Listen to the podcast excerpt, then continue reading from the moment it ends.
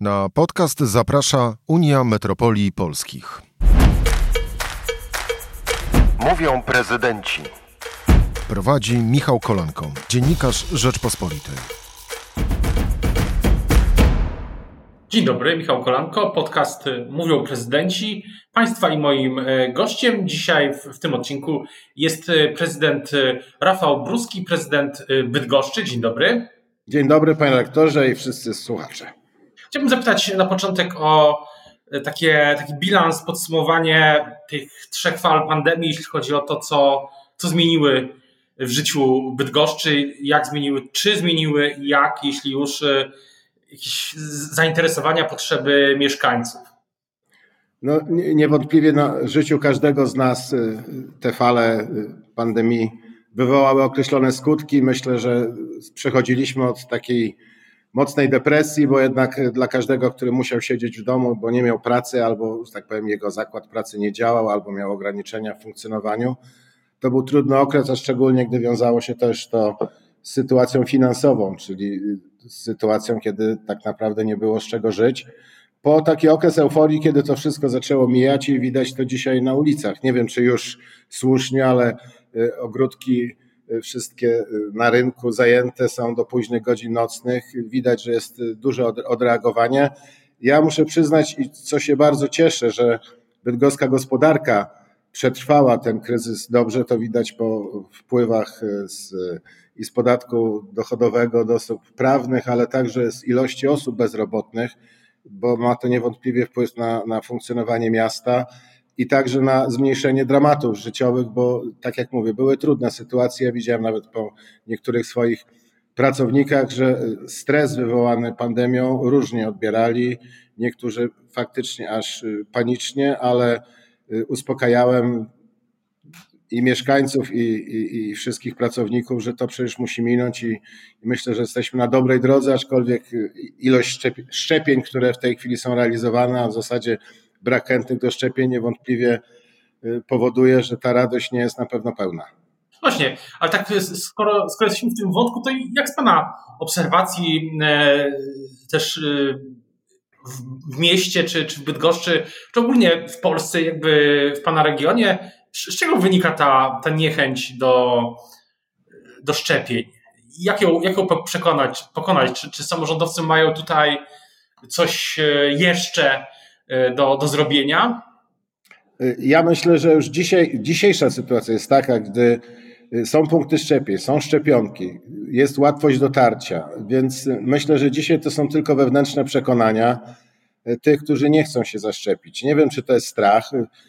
Niewątpliwie złą bardzo robotę w tym obszarze zrealizowali ci, którzy otwarcie protestowali przeciwko szczepionkom, od parlamentarzystów zaczynając przez zwykłych mieszkańców bo y, niewątpliwie, no przynajmniej według mojej wiedzy, jest to jedyna droga do zabezpieczenia się pełnego albo przynajmniej osiągnięcia tej sytuacji, kiedy będziemy łagodniej przechodzić tą chorobę.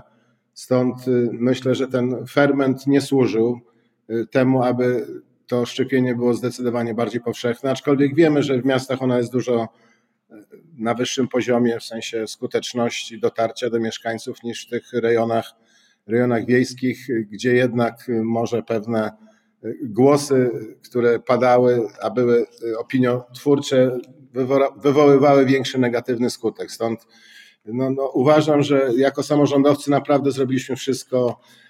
Mamy, mieliśmy dodatkowe punkty, ile tylko można było ich, jakie były oczekiwania w soboty, w niedzielę. Teraz niedawno na rynku akcje szczepienia, gdzie każdy, kto przechodził, mógł wstąpić, więc dostępność dzisiaj jest i i tak naprawdę kwestia przełamania się pewnie wewnętrznego. Są może i tacy, którzy boją się szczepionek ze względów medycznych, mogą mieć jakieś przeciwwskazania, ale ich ten odsetek pewnie jest niewielki. Natomiast wracając do samych inwestycji e, w Bydgoszczy, e, jak pan teraz e, widzi priorytety, jeśli chodzi o najważniejsze rzeczy, które trzeba, które trzeba, chciałby pan zrobić, do, wykonać do końca kadencji? Czy pandemia właśnie wracając jeszcze na chwilę, czy, czy, czy pandemia coś tutaj zmieniła?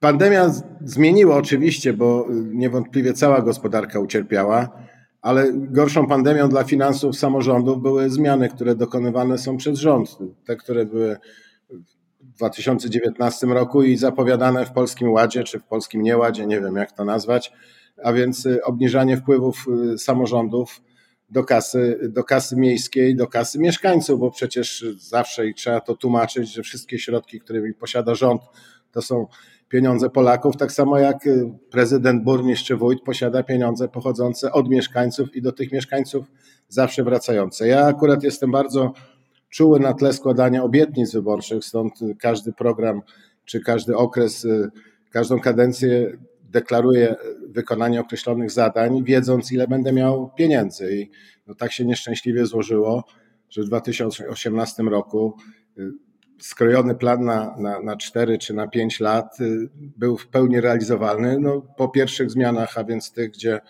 y, rząd zmienił finansowanie samorządów, zabierając część dochodów z podatku PIT dla samorządów i teraz druga zapowiedziany ten ład polski spowoduje kolejne uszczuplenie wydatków. Nie będzie możliwe, nie będzie mo- co, Jest coś, co, co w trakcie, z czego w trakcie kadencji musiał pan rezygnować? Tak, były, były takie inwestycje, ponieważ planowanie do tej pory było o tyle zasadne, że tak naprawdę mniej więcej przy stabilnych finansach samorządów można było planować i należało planować na kilka lat naprzód choćby po to, aby mieć przygotowane projekty w momencie nowej perspektywy unijnej, e, ale także, aby przygotować nowe projekty, bo przygotowanie dużego projektu drogowego czy tramwajowego to jest często 2-3 lata, łącznie ze decyzjami środowiskowymi i wszystkimi innymi zgodami. Dzisiaj mamy taką sytuację, że tak naprawdę tych pieniędzy jest mniej i z kilku inwestycji musiałem oczywiście zrezygnować. Nie zrezygnowałem z tych, które, które miały finansowanie, współfinansowanie unijne, to jest oczywiste, ale niektóre inwestycje drogowe, czy, czy, czy, czy chociażby te, które oczekują mieszkańcy, czy baseny przy szkołach, no, trzeba było po prostu z nich zrezygnować. Ale też y, chcąc wysłuchać mieszkańców, taki dość ciekawy, ciekawe przygotowaliśmy y, głosowanie otwarte czy konsultacje społeczne, gdzie 15 inwestycji wskazaliśmy mieszkańcom, aby spróbowali, wszystkie potrzebne oczywiście, aby spróbowali wybrać priorytety i, i, może nie dopomóc nam, ale mnie i, i Radzie Miasta, ale tak naprawdę po to, aby przekonać się na dużej próbie mieszkańców, jakie są ich oczekiwania. To zakończyliśmy około dwa miesiące temu. Wzięło udział w tym głosowaniu około 17 tysięcy bydgoszczan, więc te priorytety y, zostały w pewnym sensie wskazane. Oczywiście one nie są wiążące dla nas, dla mnie i dla Rady Miasta, ale myślę, że po to, żeśmy to pytanie kierowali do mieszkańców, aby właśnie tymi priorytetami mieszkańców także się kierować, aczkolwiek zastrzegałem, że gdy tylko pojawią się środki dodatkowe, czy to ze źródeł rządowych, czy, czy z unijnych, to oczywiście ta kolejność może ulec y, zmianie z korzyścią dla tych projektów, które to finansowanie zewnętrzne uzyskają. Także niestety pieniędzy mamy mniej na inwestycje, aczkolwiek nadal jeszcze mamy, bo jest wiele samorządów, które nie będą miały na inwestycje praktycznie w ogóle, albo mogą liczyć ewentualnie na to, co też rząd w ramach swoich programów przeznaczy. Przy czym ta sytuacja obecna jest o tyle trudniejsza, że dzisiaj tak naprawdę wchodzimy w okres dużej niepewności. To znaczy tak, musimy mieć projekty, ponieważ ogłaszane, czy strategia rządu obecna, a więc zabieranie trwałych dochodów samorządów, które pozwalały na, na, na, planowanie i przewidywanie pewnych, pewnych działań, powoduje, że dzisiaj samorządowcy będą musieli przygotowywać projekty w ciemno, nie wiedząc, czy te środki uzyskają, czy nie. Część z tych projektów oczywiście nie, nie będzie. Wejdę panu w słowo, ale pytanie o ten rządowy fundusz e, inwestycji, ten e, strategicznych Polski Ład. Czy, czy Bydgoszcz e, składa projekty w ramach tych, chyba trzy można złożyć? Tak, można złożyć trzy, jeden bez limitu kwotowego i to jest też dziwne, bo no tak naprawdę nie wiem, tych pieniędzy na pewno będzie ograniczona ilość, więc tak naprawdę jako samorządowcy nie wiemy, co to znaczy bez limitu, bo przecież każdy samorząd ma olbrzymie potrzeby. Drugi do 30 milionów projekt i trzeci do 5. My jako miasto i myślę, że większość polskich miast złoży oczywiście wszystkie te projekty bez żadnej gwarancji, że uzyskamy środki finansowe. I stąd, y, ale jednym z warunków y, realizacji tych projektów, czy uzyskania dofinansowania, czy promesy z BGK-u jest y, oczywiście szybka realizacja tych wybranych zadań Stąd my oczywiście mamy takie projekty i dlatego je złożymy, ale na przyszłość, jeżeli by taki mechanizm miał być, to właśnie samorządy, chcąc mieć gotowość do realizacji projektów będą zlecały, zlecały ich przygotowanie. Często to jest 5, nawet i 10% wartości całej inwestycji, a później nie uzyskają pieniędzy i taki projekt czy taka dokumentacja projektowa ulegnie przedawnieniu, czy pozwolenia na budowę staną się nieważne, więc przechodzimy z takiego naprawdę dobrego systemu finansowania i planowania przyszłości miasta na bardzo chaotyczny to jest taki, gdzie będziemy czekali, czy ktoś nam da te środki, czy nie. A przede wszystkim zarzut podstawowy wszystkich samorządowców jest taki, że nie ma reguł gry w tych programach rządowych, czyli są bardzo uznaniowo dzielone. Wiemy, że samorządowcy, którzy niżej się kłaniają rządowi albo na kolanach przed rządem y, stają czy, czy klęczą, y, mają szanse większe od tych, którzy oczekują jednej rzeczy, tylko transparentności, przejrzystości i, i, i, wspierania samorządności jako takiej idei, która od ponad 30 lat świetnie się rozwijała. E, chciałbym zapytać też o y, projekt, o którym kiedyś już projekty, czy w zasadzie zestaw projektów, o których e, już kiedyś rozmawialiśmy na omach życia regionów Rzeczpospolitej. E, to jest, chodzi o zmianę w Bydgoszczy, jeśli chodzi o rzekę i, i zwrócenie miasta ku rzece. Jak, jakie są wnioski po też no właśnie po, po miesiącach czasu, po czasie pandemii, czy ten, na ile to były przydatne na przykład jako mm, w sensie rekreacyjnym miejsca? Są. Bydgoszcz oczywiście to jest wielki skarb naszego miasta, więc rzeka Brda czysta, pierwszy, drugi stopień czystości, organizowane imprezy, nawet sportowe, pływackie, kulturalne wokół Brdy, także wszystkie inwestycje które lokowane są wzdłuż Brdy i kanału bydgoskiego, cieszą się niesamowitą popularnością wśród mieszkańców, którzy chętnie spędzają czas. Mało tego, powrócę do tego y, plebiscytu czy tych konsultacji społecznych dotyczących y, przyszłych inwestycji. Na pierwszym miejscu zwyciężył projekt dalszej rewitalizacji nabrzeży Brdy, a więc y, tworzenia właśnie przestrzeni do spaceru, do ruchu rowerowego, do zabaw, do spędzania miłego czasu.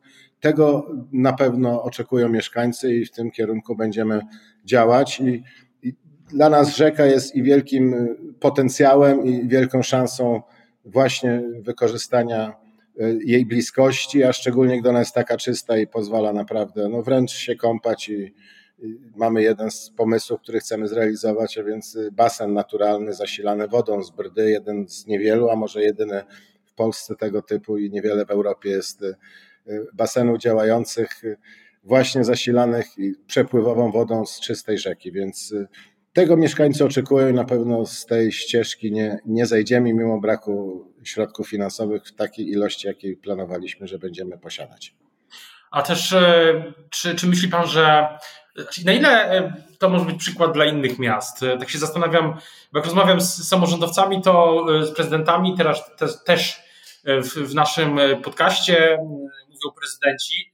No to jest pytanie, na ile właśnie ten taki case, przepraszam za to słowo, brdy i Bydgoszczy, jak pan sądzi, może być, na ile może być przykładem dla innych włodarzy miast, którzy też no, mogą szukać no, takiego właśnie rozwoju, jeśli chodzi o ten taki przemysł czasu wolnego, jak to się, jak to się mówi.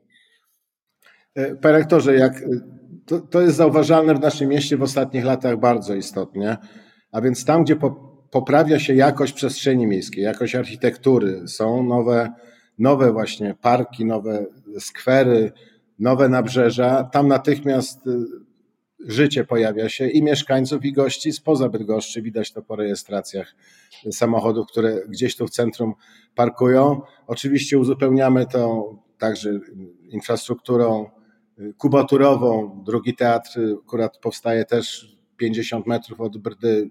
Wielkie młyny Rotera, obiekt piękny architektonicznie, niemal 10 tysięcy metrów kwadratowych do zagospodarowania. To są atrakcje, które na pewno warto, warto kierować swój wzrok i, i, i wiele wydać, wydatków i one kosztują, ale naprawdę przyciągają jak magnes. To, I to silny magnes. Y, mieszkańcy Bydgoszczy po prostu tłumnie y, do centrum dzisiaj przyjeżdżają i w okolice centrum, i właśnie wokół rzeki, wokół kanału bydgoskiego. I także powoli ruszyliśmy z Wisłą, ponieważ jeden z wielkich projektów dotyczy, dotyczy Wisły, a więc Bydgoszcz, nie wszyscy o tym wiedzą, leży nad właśnie dwoma rzekami, nad Brdą i Wisłą. i w okolicach Brdujścia, więc miejsce, gdzie wpada Brda do Wisły, też inwestujemy w piękny mini porcik, w tereny rekreacyjne. To są oczekiwania mieszkańców i właśnie z tych konsultacji społecznych tego typu oczekiwania są na najwyższych pozycjach i najwyższych miejscach. Gdy spogląda Pan w przyszłość, w te kolejne lata kadencji, to, to co Pan widzi, jeśli chodzi o taki klimat właśnie jeśli chodzi o przede wszystkim klimat budżetowy i inwestycyjny. Jaki jest teraz trend dla Bydgoszczy ogólnie? Przede wszystkim, przede wszystkim niepewność co do tego, co będzie za już na kilka miesięcy, bo e, no mamy, mamy lipiec, koniec lipca. Zapowiedziany jest Polski Ład, który kolejny raz ograniczy dochody samorządów.